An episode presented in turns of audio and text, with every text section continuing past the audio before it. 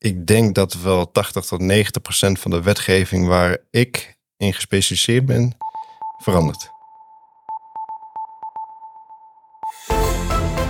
Welkom, leuk dat je luistert naar deze podcastserie met als titel Thuis in de Omgevingswet. Mijn naam is Evelien Bouma en vandaag gaan we het hebben over bouwen. Voor de invoering van de Omgevingswet en bouwen na de invoering van de Omgevingswet. Daarom gaan we in gesprek met twee bestuursrechtadvocaten van TRIP, Leon Matthij en Diana Garcia. Van harte welkom. Dankjewel. Ja. Dankjewel. Leon, wat betekent de invoering van de Omgevingswet voor jou? Ja, de invoering van de omgevingswet heeft een vrij grote impact op mijn eh, praktijk. Ik adviseer en procedeer veel in het uh, ruimtelijk ordeningsrecht, in het milieurecht en het natuurrecht. En dat zijn allemaal rechtsgebieden die wijzigen met de omgevingswet. De omgevingswet verandert zo'n 26 wetten. Uh, de systematiek verandert, terminologie verandert. dat betekent dat ik al een tijdje bezig ben met het verdiepen in de omgevingswet. We geven ook in-house cursussen over de omgevingswet.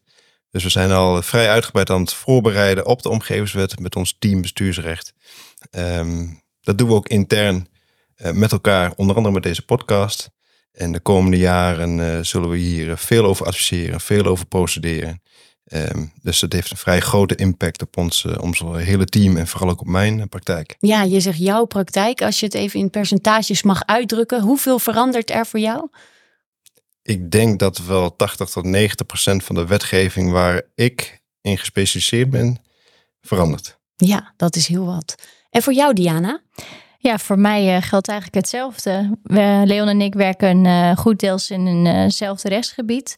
Um, dus ook vooral op het gebied van ruimtelijke ordening. En we merken dat de omgevingswet daar heel veel verandering in brengt. Vooral qua systematiek, inderdaad, terminologie. En um, ja, dat is best een uitdaging. Nou, dat kun je noemen. Maar jullie zijn er goed mee bezig. Dus dat is uh, stap 1.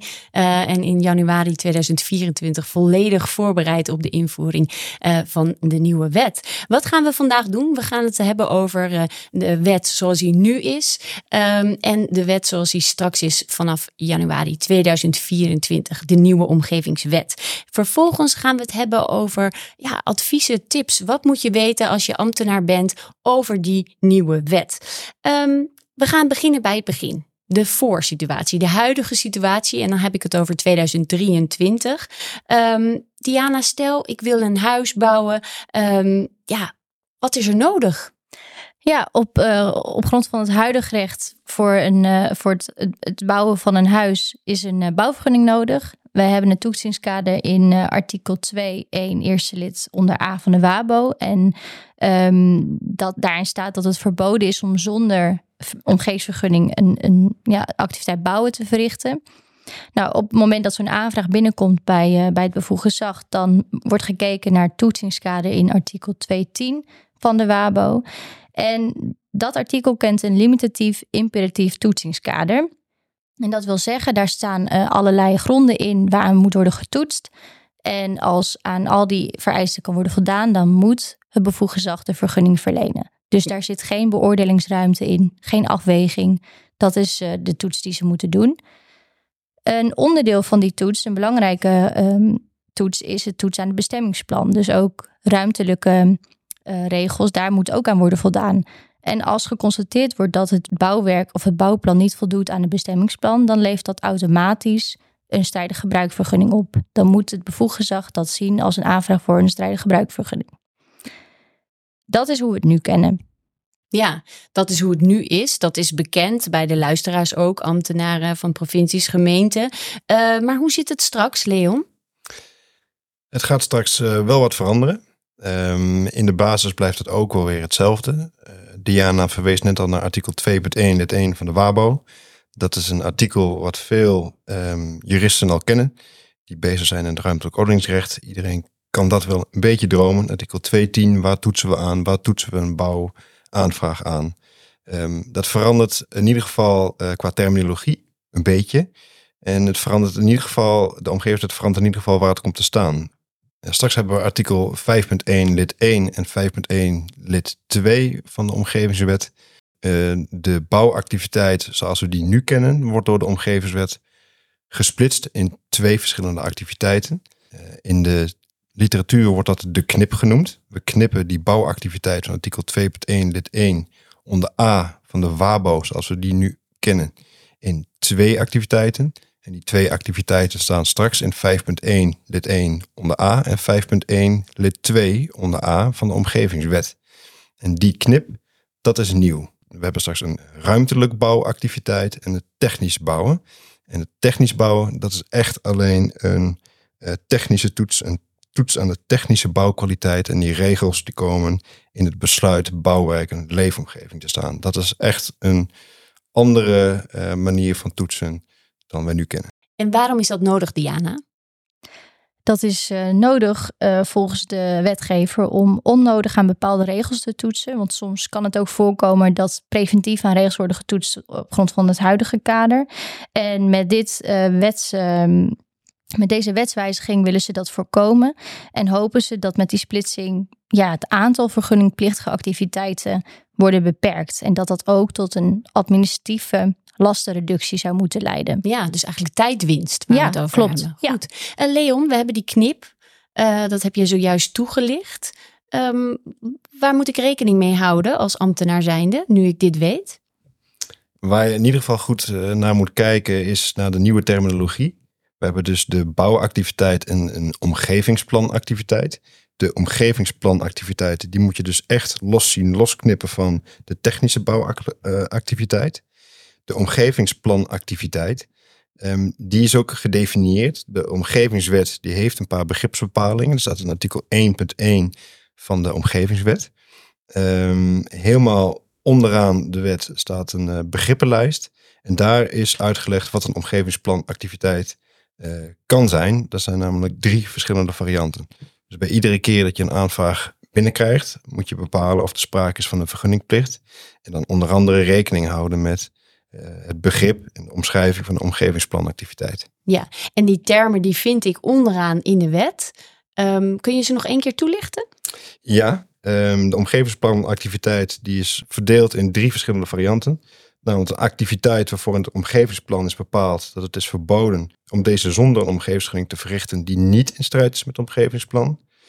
Uh, het kan ook zijn een activiteit waarin, waarin, waarvoor in het omgevingsplan is bepaald dat het is verboden deze zonder omgevingsvergunning te verrichten en die in strijd is met het omgevingsplan. Of een andere activiteit die in strijd is met het omgevingsplan. De systematiek wijzigt dus een beetje. Uh, de terminologie wijzigt een beetje. Om daar goed in te komen zou ik adviseren om die begripsbepaling er altijd bij te pakken. En ook een memorie van toelichting bij de omgevingswet te lezen om te doorzien wat de achtergrond is van deze bepaling. Ja, dus kijk naar die begrippen en lees die memorie eigenlijk. Ja. Hè? Goed, gaan we uh, verder, want um, dan hebben we ook nog de samenhang tussen die ruimtelijke en die technische bouwactiviteit, volgens mij, Diana. Kun je dat toelichten? Ja, misschien is het wel goed als ik daar een uh, voorbeeld bij geef, want dat, dat spreekt dan toch iets meer voor de verbeelding. Bijvoorbeeld als het gaat om een uh, dakkapel. Als, als iemand graag een dakkapel wil plaatsen aan de achterkant van een bouwwerk, dan um, geldt op grond van artikel 2.27 van het BBL dat daarvoor geen technische bouwvergunningen nodig is. En op grond van artikel 229 van het BBL, dus het besluit bouwwerken leefomgeving, daar zitten we dan in. Daarin staat dat, het, dat er ook geen omgevingsplanactiviteit is vereist. Dus dat geeft wel aan van voor, voor zo'n activiteit heb je dus niet voor die knip beide activiteiten nodig. Als we het voorbeeld iets aanpassen en uh, ervan uitgaan dat de dakkapel niet aan de achterzijde, maar aan de voorzijde van de woning wordt geplaatst, dan geldt dat er alleen voor de technische bouwactiviteit geen vergunningplicht is op grond van artikel 227 van het BBL. Dus het zou heel goed kunnen dat er toch een omgevingsplanactiviteit vergunning nodig is. En daar zou dan moeten worden gekeken of daar misschien een belemmering op grond van het omgevingsplan bestaat. Dus dat is wel een mooi voorbeeld om die, om die verhouding met elkaar uh, te duiden. Ja, dus uh, datgene wat voor ligt bepaalt ook uh, welk onderdeel ik van de knip wel of niet moet toetsen, zo gezegd. Dat klopt. Goed, Leon, dan hebben we uh, dat duidelijk. Je kunt uh, twee onderdelen van de knip wel of niet inzetten. Um, maar dan is het januari 2024. Um, wanneer uh, weet de gemeente of een bouwactiviteit wel of niet vergunningplichtig is? Vanaf het moment dat die nieuwe omgevingswet ingaat. Nou, dan is het toch goed om opnieuw naar artikel 5.1 te kijken. Ehm, er is een verschil tussen lid 1 en lid 2. In lid 1 is, het, uh, um, is de omgevingsplanactiviteit opgenomen. Lid 5.1, lid 1 onder A. Um, in de wet staat dat het verboden is om zonder omgevingsgunning de activiteit omgevingsplanactiviteit te verrichten. Maar daar is bij toegevoegd dat het kan zijn dat het is aangewezen dat die vergunning vrij is. Dat kan dan aangewezen zijn in het BBL, wat, waar Diana net naar verwees, het besluit bouwwijk en leefomgeving. Artikel 5.1 lid 2, die werkt net iets andersom. Daarin staat: het is verboden om zonder omgevingsvergunning de volgende activiteiten te verrichten, waaronder een bouwactiviteit, voor zover het gaat om een aangewezen geval.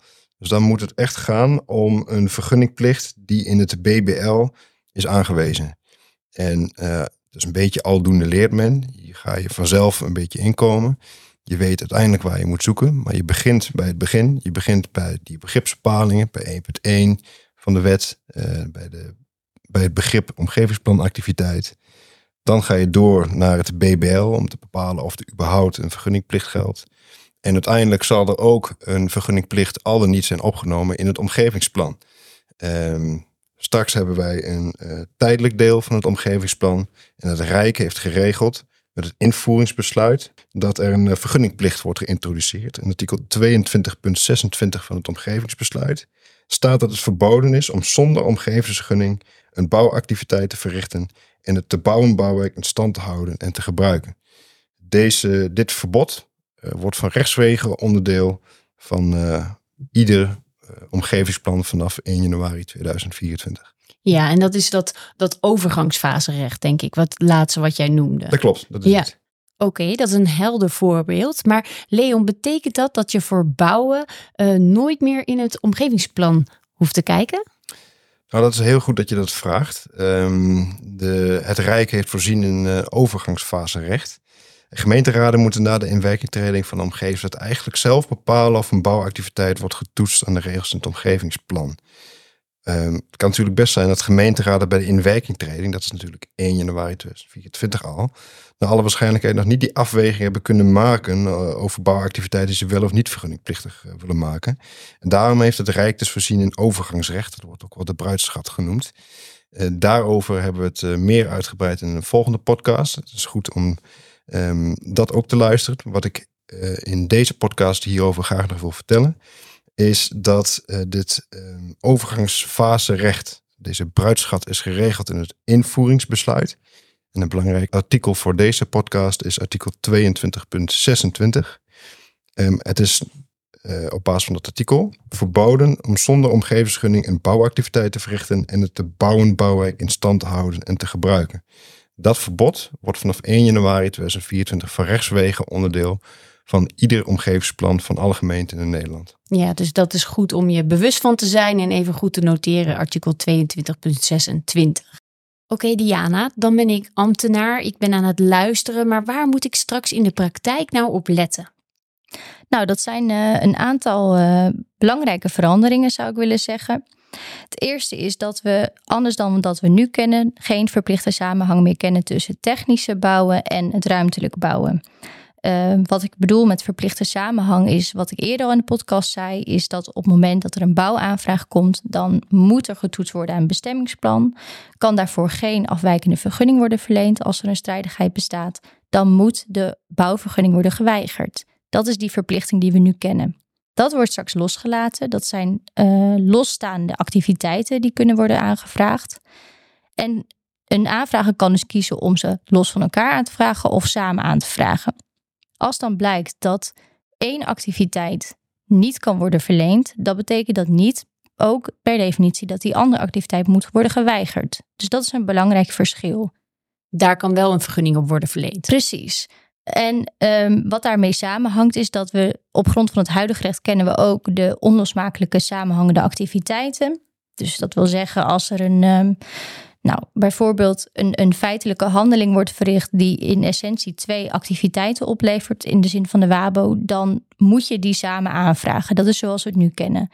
Nou, dat fenomeen dat vervalt dus daarmee ook, omdat de omgevingswetwetgever juist heeft bedoeld om zoveel mogelijk flexibiliteit te bieden in het aanvragen van activiteiten. Daarmee kennen we dus ook geen gefaseerde aanvraag meer zoals we dat nu hebben. Dus dat even in de kern wat er uh, goed deels verandert.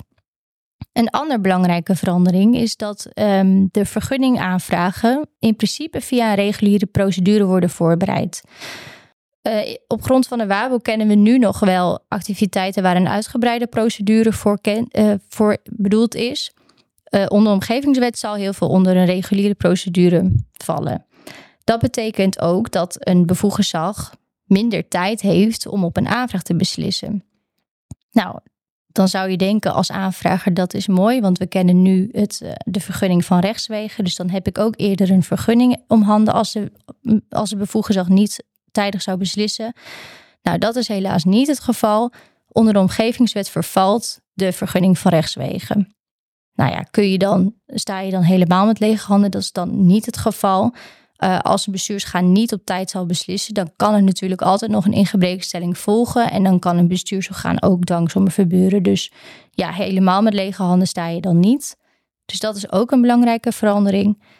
Dus um, ja, dat zijn wel een aantal, um, aantal onderwerpen die we straks niet meer tegenkomen. En uh, ja, ik ben benieuwd hoe dat gaat uitpakken. Jazeker. En dat zijn een aantal uh, duidelijke punten, wat je zegt, die we direct in de praktijk ook moeten gaan brengen met elkaar. Leon, heb je daar nog aanvullingen op? Um, ik heb er in die zin nog wel een paar uh, slotopmerkingen. Um, de systematiek van de omgevingswet die wijzigt iets ten opzichte van de huidige systematiek ook de terminologie wijzigt. En die moeten we ons allemaal eigen maken. In mijn eigen voorbereiding heb ik gemerkt dat het goed is om de memorie van toelichting bij de omgevingswet te lezen. Omdat daarin ook de achtergrond staat van de systematiek. Dat beklijft het misschien wat beter. Ik zou ook adviseren als je bijvoorbeeld een besluit schrijft om de memorie van toelichting bij de wet erbij te pakken. Of de nota van toelichting van bijvoorbeeld het eh, besluit Powerwijk en Leefomgeving om aan te sluiten bij de terminologie die die wetgever uh, ook gebruikt. Um, daarmee krijg je het zelf beter onder de knie en voorkom je ook dat je afwijkt van de nieuwe systematiek. Um, en met deze podcast willen we kort wijzen op wat waar geregeld is. Dus we wijzen op bepalingen in de omgevingswet. We wijzen op de AMVB's die hangen onder de omgevingswet. En uiteindelijk is de zaak dat je daar uh, zelf in gaat kijken, zelf die begrippen nakijkt. En uiteindelijk nou, net zo lang gaat puzzelen, eigenlijk zoals het nu is, maar steeds meer die wet eigen maakt. Ja, maak het eigen. Wees je bewust van de nieuwe termen, uh, een andere systematiek. Ja. Uh, ga puzzelen en uh, maak het je zo snel mogelijk eigen ook eigenlijk. dank jullie wel voor jullie bijdrage, hele waardevolle bijdrage. jullie bedankt voor het luisteren. Willen jullie meer weten? Kijk dan op trip.nl slash omgevingswet. En beluister daar ook alle andere afleveringen van deze serie thuis in de omgevingswet van Trip Advocaten en Notarissen. Mijn naam is Evelien Bouma en tot de volgende.